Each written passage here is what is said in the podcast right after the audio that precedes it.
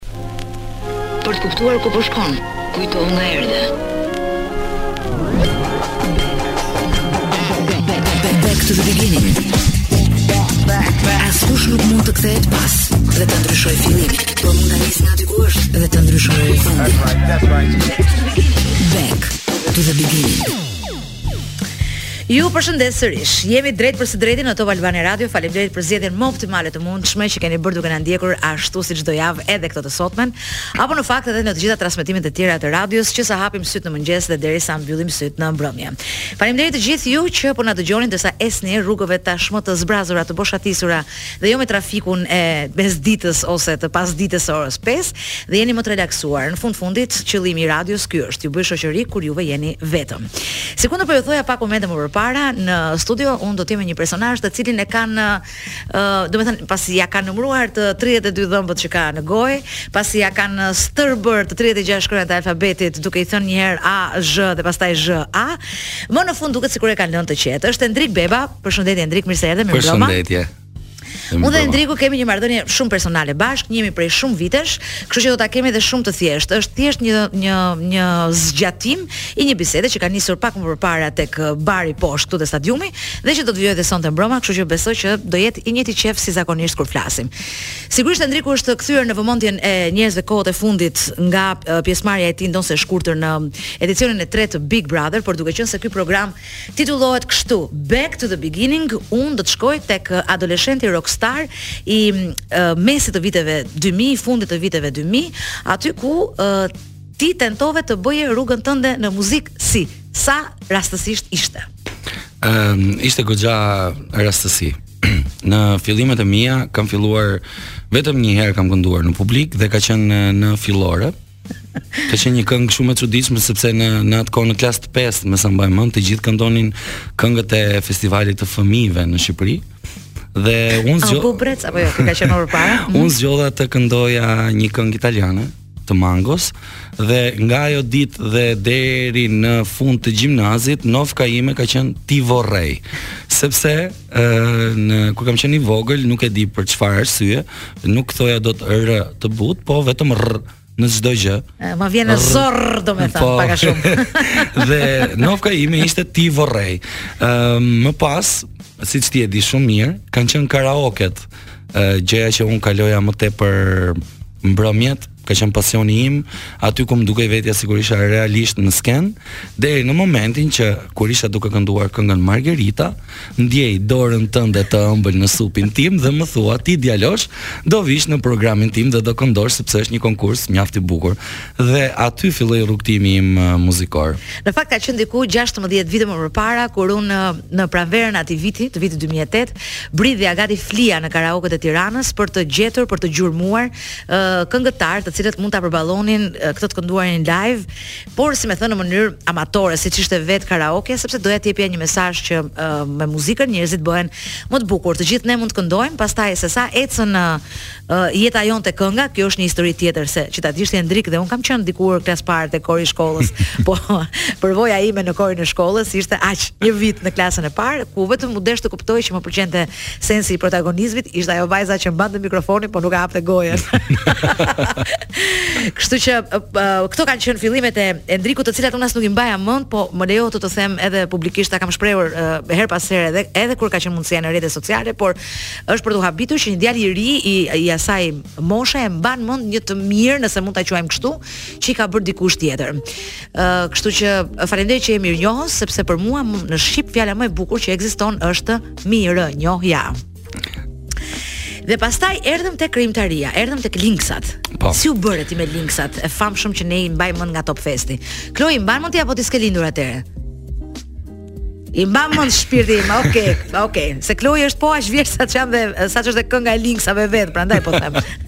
Atëherë, mbas karaokeve dhe atij programit në cilin mora vendin e dytë, Edhe pse më në në fshehtësi më the që isha i preferuari yt.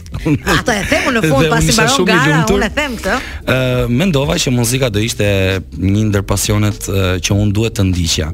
Dhe ë uh, krijova një band, një band uh, amator me miqtë e mi të cilët thjesht i thash ty të shkon basi, ok do bëhem basist, ty të shkon kitara, ok do bëhem kitarist dhe dikush tha po sikur të bëhem baterist, unë i thash jo ti je ti je shumë i shkurtër, nuk bëhesh dot baterist dhe u bë dikush tjetër.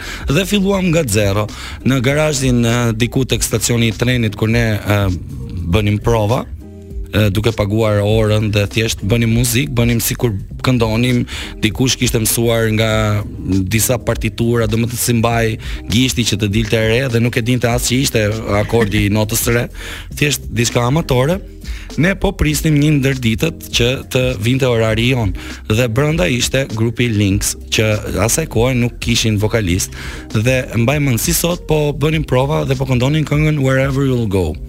Uh, By the way, Chloe, Wherever You Will Go, The Calling, ka qenë kënga më e transmetuar në Top Albania Radio në vitin 2002. Ashtu. Para se të lindje ti. Dhe në ato momente, mbaj mend që tonaliteti ishte më i ulur, kënga më duket origjinali është në re, çunat po e luanin në do, Dhe nuk më pëlqeu mënyra si po e këndonin, kam hapur derën dhe me atë arrogancën time sepse un tani kisha dalë i dyti në një kompeticion tani. Kisha vlera, isha isha dikushi. I them, kjo kënga nuk këndohet kështu tekstualisht. Dhe më thot, ka qenë asaj kohe kitaristi i grupit Aureli që më thot, hajde këndoje ti. Dhe e këndoj.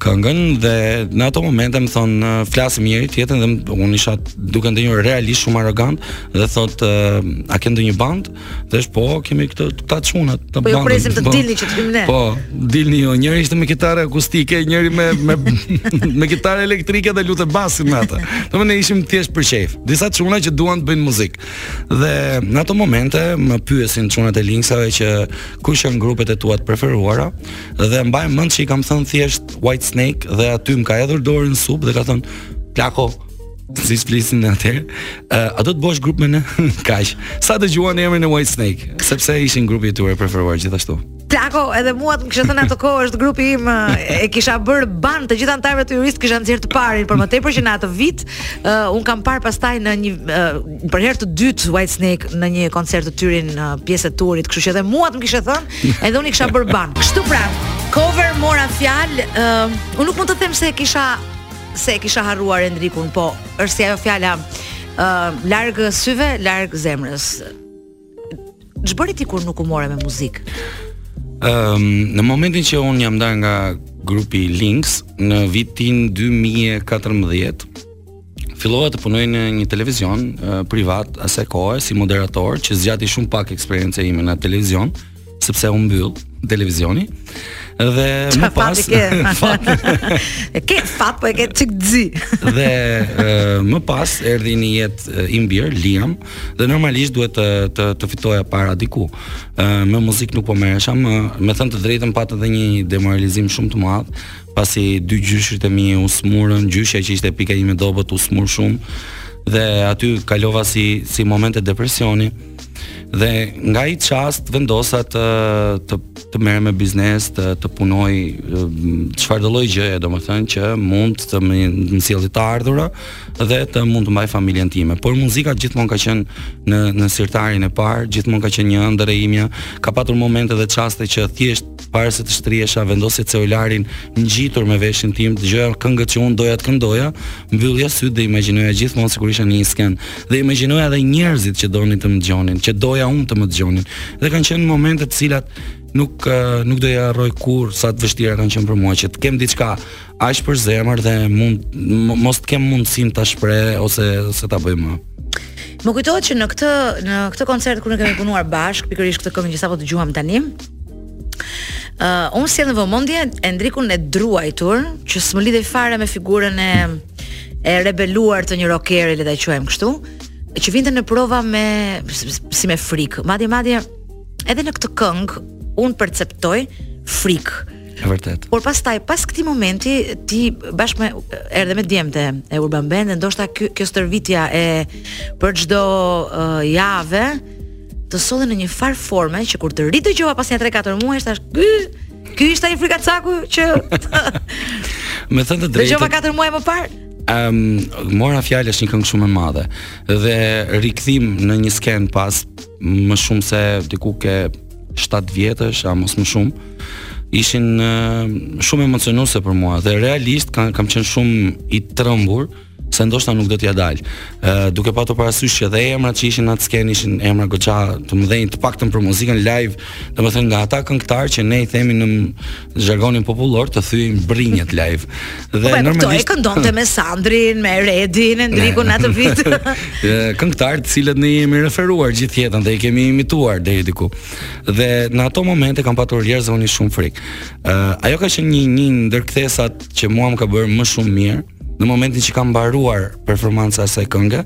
dhe jemi mbledhur prapë të gjithë në fund për të kënduar sërish së bashku, unë kam ndier që unë mund të jem prapë zot i ëndrrave të mia dhe mund ta ndjek pasionin tim. Dhe realisht nuk kam më është dashur as 3, as 4 muaj, as 2 javë, po thjesht ato 5 minuta që ti më më dhe mundësinë të ngjitem në skenë prapë, Pra unë vendosa që të shkosh në muzikë mo. Po, çfarë pa, e paske fat, po pak e po të bën. Jam rikthyer, ti ke patur dorë. unë dua të shkoj pak tek um, tek lista e e Endrikut, ë uh, ta shoh një sekond se kam shumë siguri kur e kam atë Kloin aty në pult. Asa bora. Ne e përmendëm pak momente më parë përse kjo këngë është një nga më të dashurat e tua. Ëm um, La rondine, Mango, ai thotë kam qenë klasë 5. Ndërkohë unë bëja një këngë për ty. Sa e deshën njerëzit në atë kohë këtë këngë. Ti ku ishe, ti ishe në ëndrrat ambicioze të mamit dhe të babit, patjetër. uh, a dije mirë italisht në atë kohë? Apo, po, a dije, po, po. Dije shumë mirë italisht. Pra se e kemi gjuhën e babait atë ne, nuk diskutohet shqipen të nënës dhe a, a, këto italishten të babait. Endriku po më shpjegonte pak momente më përpara që ka dëgjuar një version uh, të ri të vajzës uh, së Mangos dhe meqë ra fjala, a jeti nostalgjik në shijet e tua muzikore, apo duke qënë dhe artist i ri në kuptimin e moshës, se kshu jini duke u bërë nga 40 vjeça të gjithë për uh, artistin e ri luft, po, në moshë e kam fjalën, a, a jeti partizan i muzikës së re që qarkullon, apo çfarë ishte e dikurshme, ishte shumë e mirë, çfarë prodhohet sot, nuk vlen.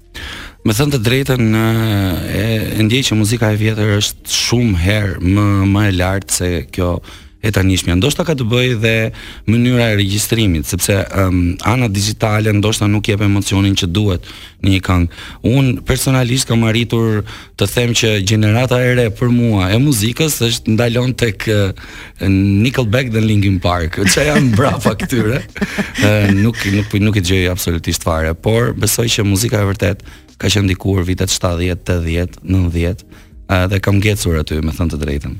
Endrik, çfarë e vështirëson uh, një artist, uh, një artist vokalist apo edhe grupin në të cilin ti bën pjesë për të investuar në krijimtari të tyre personale? Sepse muzika, siç ju të gjithë e dini, është të bësh kujtime me krijimtarinë tënde. Ju mund të jeni të gjithë coveristë shumë të mirë, por në fund të fundit vezën që ka bërë uh, Michael Jackson e ka bërë ai, ti mund ta mhm. bësh shumë të mirë, po apo dhe më të keqe, apo dhe shumë më të mirë. Por ajo është thjesht veza e Michael Jacksonit e bërë dikur. Çfarë ju shqetëson, çfarë ju mundon, është aspekti financiar i prodhimit, sepse sigurisht edhe kënga është një prodhim i cili do lekë edhe ai, edhe po. ajo. Po të jap me shembullin e grupit Lynx, ne bëmë një album dhe këngët që ne kishim single donim që të vinin në, në anën audio sa më të pastra dhe të njëjtat me këngët që ne do krijonim dhe ai album na ka kushtuar jashtëzakonisht shumë në krahasim me të ardhurat që muzika rock paguhet në ambientet e muzikës live, është çmenduri dhe kjo mund të jetë ana kryesore, ana financiare. Ana financiare. Po. Ah. Nuk e di se kur do vi ky momenti në këtë vend për të kuptuar që qytetari duhet të jetë edhe i arsimuar, edhe i edukuar. Megjithse, kujt lloj pushteti dhe kujt lloj qeverie do t'i interesonte një qytetar i edukuar? dhe i arsimuar. Askujt për hir të së vërtetës se nuk e skllavëron dot, nuk e mban dot të ndrydhur. Ne jemi akoma te kjo faza e brishtë e investimit në këtë pjesë. Ndoshta dikur do bëhet më mirë. Ja dhe Margerita që ngjiti Endrik Bebon në një skenë prej vërteti dhe nga aty nisi dhe rrugëtimi me ato thyerjet e ëndrrave një herë tani, një herë pastaj, një herë tani, një herë pastaj. Por eh, a i bën muzika njerëzit më të mirë Endrik. Patjetër, unë besoj që të dëgjosh muzikë është një lloj si të lexosh një libër. Ke shumë për të mësuar, sidomos kur është muzikë e mirë. Ëm, um, muzika italiane që ka qenë ndër të preferuarat e mia gjatë kohës në adoleshencë, ka shumë mesazhe, ka shumë ëmbëlsi, të mëson si të dashurosh.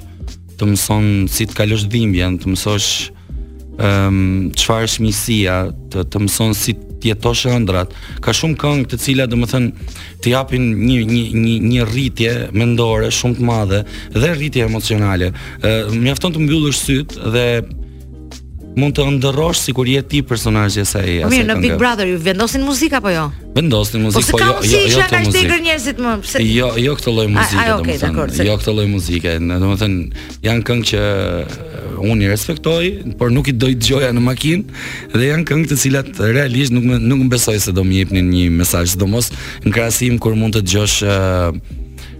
uh, mëngon, kohën tënde, White Snake, Scorpions, Metallica e e, e të tjera e të tjera. Prandaj s'i vendosni një kështu muzikë se bëheni shumë më të mirë se sa duhet çunat edhe gocat. Vetëm vetëm një natë, një një mëngjes mbaj mend që është vendosur një këngë e Lenny Kravitz dhe ajo ka qenë një ndër ditët e mia më energjike. Ua sa bukur, un kam një shall të Lenny Kravitz në në shtëpi, të cilin në, nuk e kam larë që në atë vit, sepse ishte ajo periudha e famshme e koncerteve që organizoheshin në Malin e Zi, po edhe në Maqedoni, njërin prej cilëve e ke kë ke parë ti, ti ke parë të Madonës, më duket. Po, Madonës, sepse, në, në Jaz të Budvës. Sepse ne në ato kohëra, kështu çmimesh i jepnim bileta koncerti për uh, fitues të karaoke se nuk ishte koha kur ishin kaq shumë uh, në modë pushimet. Megjithëse jo, më kujtohet që po fituesi i vendit të parë kishte një udhëtim, më duket çift. Mm -hmm. në këto 3-4 ditoret. Por un jam shumë e sigurt që për njerëzit që e duan muzikën më shumë vlerë ka patur një koncert të shikoje nga afër Madonna për shembull që edhe sa mos ishte brenda brenda shijeve personale, po sidoqoftë është një personazh kaq i lartë sa ti mund ta kesh parë vetëm në revista, edhe të vjen një moment që ta kesh kaq afër, kaq afër shtëpisë. Ë Ndërkohë një nga motivimet e tua më të mëdha, po themi është që ti të tre, t'i tregosh njerëzve që këndon, jo t'i tregosh në kuptimin e certifikimit, po ti ë lodhesh duke e kënduar këngën e derisa ë të mos kesh më edhe fuqi, sepse në fund fundit siç them unë për zërin, zëri nuk është një buton të cilin ti e fik edhe ndez kurdo, është një gjë që ka të bëjë me shëndetin e e, e dikujt.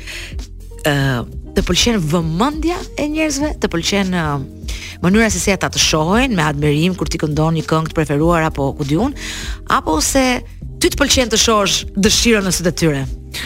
Atëherë, uh, një ndër gjërat më emocionuese kur performon live është uh, transmetimi i emocionit. Uh, gjëja që un adhuroj është të transmetoj të njëjtin emocion që unë ndjej kur këndoj ato fjalë. Ë uh, për shembull të marr rastin e këngës time të preferuar kur unë e këndoj.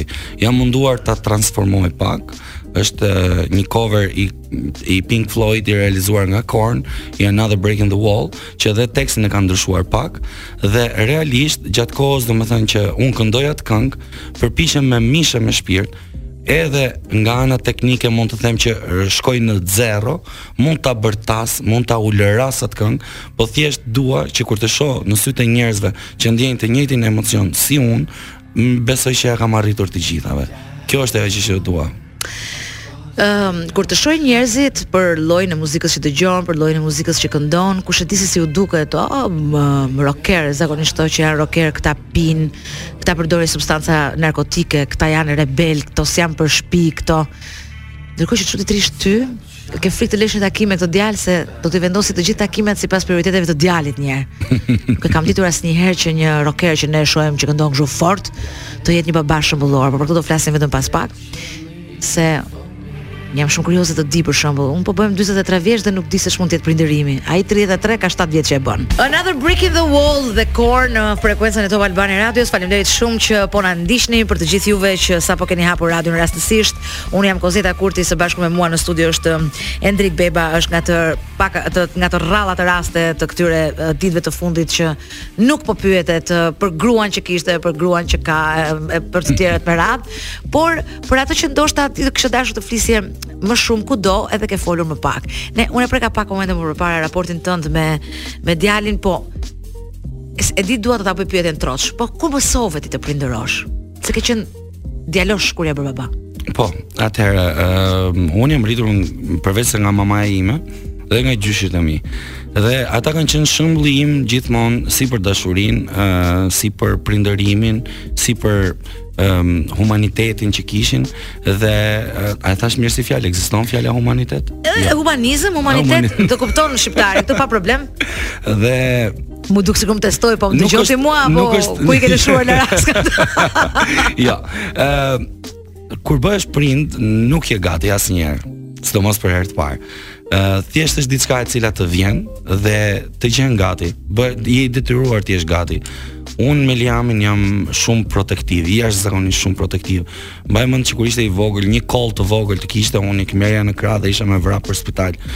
Dhe edhe paniku i mungesës së informacionit, i diçkaje që nuk ka ndodhur më parë në jetën tënde. Patjetër. Dhe e, kur kam mbajtur në krah Liamin për herë të parë, më është kujtuar fjala që më thoshte mamaja ime, gjithmonë që kur të bëhesh me fëmijët vetë do e kuptosh. Dhe mendoja gjithmonë domethënë që ok, duhet, edhe unë dua mamin tim shumë, dua gjyshët e mi shumë, por është një dashuri e cila nuk krahasohet me asgjë në botë dhe Çdo gjë e jotja ndryshon, por ndryshon për mirë, ndryshon në një prizëm tjetër, ndoshta më të bukur. Ë merr një përgjegjësi më më hyjnore të të mbrosh, të rrisësh, të edukosh, të duash, të dashurosh, të mësosh si të dashurosh, të mësosh si të duash, domethënë janë janë disa gjëra që ndryshojnë komplet ndryshe dhe ti je gati. Domethënë është një forcë që të vjen natyrshëm dhe ti je gati, të vjen një dije e papritur gati. Dhe këtë e kupton që në momentin e parë që e mban fëmijën në krah. Siç më ka ndodhur mua të paktën. Mirë, ti para ca vitesh ke kënduar të ka baba çun, ndërsa tani për pak shpresoj të shkojë gjithçka mirë, do këndosh kush ka vajza botën ka. Me thënë të drejtën, ti e di, ah, po kur kemi qenë në një stëndot. Ta të shqurë. Me partneren time Klean, kur kemi shkuar për të parë eh, se çfarë gjinie kishte bebi, doktori ishte pak herët, me thënë të drejtën, po normalisht si ata prindrit që ha ha, ça është me me, me shumë ankth, Dhe një moment paniku, dëgjoj doktorin që i thot Kleas, mos ki merak se do bësh një alamet çuni. Dhe mbaroi, u vendos. Dhe un fillova duke lajmëruar të gjithë dynjan. Ka baba çun, fillova duke qerasur me birra, mblodha çunat e grupit, i qerasa të gjithë. Dhe mbas 10 ditësh kur bëm një analizë tjetër, ë uh, aq shumë uh, isha fokusuar ta dija tamam çfarë ishte saqë kisha filluar duke parë në internet si dallohet gjatë asaj jave çfarë është vajz apo djalë. dhe Klea gjatë gjithë kohës më thoshte lodhesh kot, le të thotë çfarë të dojë doktori deri ditën e fundit që unë do lind, unë e ndjej që është vajzë, dhe unë qeshja. Dhe në momentin që bëri ekon i thash ndalo pak, a pe edhe ti atë që pash unë dhe tha ma thuaj ti dhe i thash më duket se është vajzë. Po tha është vajzë. Dhe Aty domethënë ndryshoi çdo gjë. Unë kisha zgjedhur emrin e çunit, kisha filluar të mendoja si do ta bëj tifoz të Milanit, çunin. Vajzën mund ta bësh tifoze të Milanit gjithashtu. Po, po, po thjesht ndryshoi, ndryshoi prizmi. Dhe tani jam në pikën që Klea po më përgatit dhe më thotë dëgjo se goca po u fut në balet, do ketë nevojë për një partner baleti, kështu që ti do veshësh atë minifundin e baletit dhe do kërcesh me vajzën. Dhe tani imagjino një rocker duke bërë atë gjë. Ose për shembull, sa të rritet vajza, të ketë dëshirë të të të të, të lyej, të të bëj me flok, të të sa, nuk e di, nuk e një portretin e Patjetër. e dikujt që duhet lyer, e dikujt që s'duhet lyer, për më tepër që sot në kohërat që ne jetojmë në kuadër të të drejtave dhe të qenit të gjithë njerëzit njësoj, ajo po mund të ketë guxim edhe të bëjë atë që dëshiron me ty. Dhe ti si është puna? Baballarët nuk i thon asnjëherë jo vajzave. Unë nuk i them as djallit. Është vërtet Kloe? Ashtu. O, edhe unë kështu mendoj, po nuk e di pse për mua thon çuni i babit, nuk e di. Nuk e di pse, do kisha dashur shumë të isha daddy's girl, po çuni i babit prap. Ama deshe me më kap gafil, po ti nuk e kupton që un këndoj vetëm me labiale. Fare nuk këndoj me zë. Ose këtë mund ta bëj për shembull, po të kem ndonjë inspektor të autoritetit kombëtar të ushqimit të ftuar, atë para atij dhe mund të këndoj se nuk është se më Nuk është se mos skuqet fytyra shumë kurse kur ka interpretues këngëtar këtu e kam si me zor. Dhe po ta vesh re, ore, kemi pasur goxha Vesa, Mira, Endriku, do ndërroj uh, dorën, do shkoj të turrem andej nga Ministria e Shëndetësisë për javën që vjen. Do flasim, do diskutojmë një çik se nuk i dihet, marrëdhënie interesi është dhe kjo punë. Nuk i dihet, për më tepër që po flitet për një uh, virus të ri që e ka origjinën andej nga Kina. E kaluam Po ky nuk ishte i ri, ky ishte ai i vjetri, por i cili ka pësuar metamorfoza, ndryshime. Le tani të flasim për gjëra të bukura. Le të flasim për gjëra të bukura sepse kur më kujtohet Kloi që ky program 3 vjet më parë, 4 vjet më parë, u detyruam ta mbyllnim për shkak të Covidit, nuk dilnim rrugëve një herë ishte orari në 8, një ishte orari në 9, nuk kam ndërmend fare ta ta kthej edhe një herë atë histori që me sa duket, më duket sikur kanë kaluar 200 vjet Ëm që nga ajo kohë. Dhe meqë jemi këtu, si është raporti yt me lirinë, Endrik, se më kujtua ai varianti kur na mbyllën, na izoluan edhe uh, na tregonin edhe si t'i lanim duart deri në atë moment, na dukej sikur kishim qenë pis, sikur s'kishim mësuar të të laheshim, mirë që dolën ata për të na thënë se si. Raporti yt me, me lirinë, cili është? Um, eksperienca e fundit në Big Brother tregoi që është i domosdoshëm. Unë ndjej veten uh, një një një shpirt të lirë dhe dua të jem i tillë. Dhe e pashë në momentin që isha i kufizuar, ë uh, nuk isha vetvetja. Në shumë raste jam ndjerë i censuruar uh, nga nga shumë um, faktorë, duke filluar nga ndoshta nga nga arti, domethënë nga mënyra si unë do të doja të bëja art. Ë uh, më pas mund të jem uh, i, i mbytur nga nga njerëzit që më rrethonin, sepse nuk mund të jesh i lirë në qoftë se ke njerëz të cilët thjesht duan të të mbysin. Ë uh, por në E thënë troç, unë e dua shumë lirinë, dua të jem gjithë kohës të paktën i lirë për të shprehur mendimin tim dhe dhe veten time. Në momentin që cënohem sadopak, ndjej që rrëzohem si njeri e humbas një një një vlerë shumë të madhe në qenien time.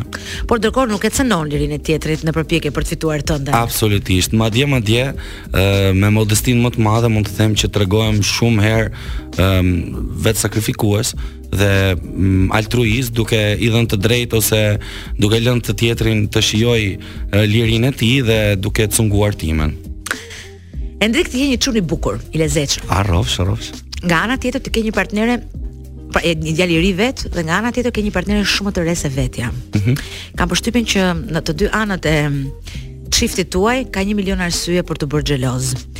Ë uh, ti se ke një partnere kinge dhe dhe shumë të më të vogël, jo më të re, se ti je djalë i ri vet, po më të vogël se vetja. Ë uh, dhe e dyta se ajo nuk është gjatë gjithë kohës me ty dhe ti ke një punë që është me goca, me çuna, natën, apo një gotë alkool më shumë. Ë, uh, kështu që besoj që kjo mund të jetë një një një bulëz konflikti mm -hmm. midis jush. dhe që ekziston, ekziston, puna është si e menaxhoni, se mos më gënje duke thënë që nuk ekziston. Jo, patjetër që ekziston, por ëm ehm, um, është diçka e cila me kalimin e kohës fillon shterohet, xhelozia. Ë uh, un besoj që dashuria duhet të bazohet në respekt, besim dhe mirënjohje. Ëm ehm, uh, dhe të gjitha këto sjellin lirin, duke i dhënë tjetrit lirin. Duke e lënë të lirë do të thotë edhe aty e kupton se sa vlerë ka dashuria. Uh, un kam një besim të verbër tek Klea dhe besoj që edhe ajo tek un. Normalisht kemi debate xhelozira patjetër si çdo çift, por uh, nuk uh, di kurrë që për shembull të jem në në ndonjë koncert dhe për shembull një rast që kemi qenë në në, në Ulqin, që kemi qenë shumë kilometra larg njëri tjetrit, nuk më ka rënë telefoni duke më thënë ku je ose çfarë po bën, thjesht a fjete, a je mirë, a ke ngrënë. Dhe ky është raporti që ne kemi me njëri tjetrin, të paktën në këtë pjesë. Ë, uh, për sa i për, përket pastaj pjesës uh, së Kleas, po të ishte ajo këtu dhe ta pyesje, do të thoshte a a do bëhem unë xhelos për këtë? Unë jam gocë Tirane më që xhelos për këtë. dhe unë këtu do kisha kuptuar që Klea është edhe më shumë se ç'mund të shprehte me fjalë duke u anashkaluar. Ajo besoj po na dëgjon tani dhe për pak unë mund të pres një mesazh në telefon. Por ta bëra këtë pyetjen jo se jam gazetare e e shtypit rozë, e, nuk më ka interesuar kurrë, por më tepër që ndoshta edhe publiku nuk është shumë i vëmendshëm dhe s'ka dhe pse ta di dhe s'ka dhe pse i intereson marrëdhënia personale e të ftuarve tan këtu, por nga që pash këngën Grande Amore, dhe desha të të pyes, A ka njeriu më shumë se një dashuri në jetë dhe a është kjo dashuria jote më e madhe deri tani? Ehm, um, un kam mësuar të dashuroj kur lindi Liam. Dhe më pas, në momentin që ka ardhur Klea në jetën time, ehm, um, kam kuptuar që tek un ekziston një njeri tjetër. Kam kuptuar që un mund të rritesha dhe nga ajo sindroma Peter Panit që isha, u thjesht u shndrova në njeri tjetër dhe jam shumë falënderues Kleas për këtë gjë. Dhe përveç se është një është dashuria ime më e madhe, uroj që të më japi dashurinë tjetër më të madhe dhe kjo është kënga jon, sepse kështu ndihem unë. sikur jam duke fluturuar me të. Ëm, um, Kloj, e mendon dhe ti që ky program mbaron shumë shpejt? Nuk dua të bëhem ripërsëritëse, po sa më shumë kalon koha, aq më shumë duket sikur mbaron shumë shpejt. Po s'ia vlen njeriu të dalë për një orë? Po duhet ta mendoj mirë këtë punë. Rrim deri në 12. Rrim. Javës tjetër apo që sot. Ej, jo që sot jo, më lër javës tjetër që të vi një orë me vonesë në fakt se kam tërë ditën këtu. Miq ne kemi ardhur në fund të programit sot. Kalon kalon vërtet shumë shpejt, po në fund të fundit më mirë më mirë më mirë të të marri malli për diçka se sa të të mërzitet ose siç thon shqiptarët, less is more. Shqiptarët e thon këtë në përgjithësi. Ata që sapo largohen vetëm për disa ditë pushime kthehen dhe thon E, ma va, ma come si dice, ma non mi viene, me më të zitmin, oh fuck, e të tjera, e të tjera, si këto. Jemi tek e tashmja jote, ndoshta e tashmja jote është pak konfuze dhe kjo s'ka të bëjë me 10-12 ditët e tua në një format reality show. ë uh, se ajo është një, një gjë kaq e shkurtër sa ti e merr veten shpejt, por megjithatë fakti që ke qenë në në vëmendje në kulm të projektorëve, ndoshta do të të bëjë të jesh pak më selektiv në kohët në vazhdim. Çfarë po bën ti në këtë moment me veten tënde? Uh, faktikisht jam uh, i fokusuar vetëm tek të bërit muzikë, mm -hmm. uh, tek të qenit i shëndetshëm bebi im dhe te kujdesja te familja. Ëm um, ëndra ime më e madhe kur hyra në Big Brother ishte t'i rikthehesha televizionit ose medias, sepse është një ndër pasionet e mia të lënë më njanë. dhe normalisht e adhuroj botën e medias. Ëm në qoftë se nuk do e gjej këtë oportunitet ose këtë mundësi, do vazhdoj të fokusohem 1000 herë për qind tek muzika dhe kam ndërmend të ndryshoj pak të të, të eksploroj pak rryma të tjera dhe jo vetëm muzikën rock.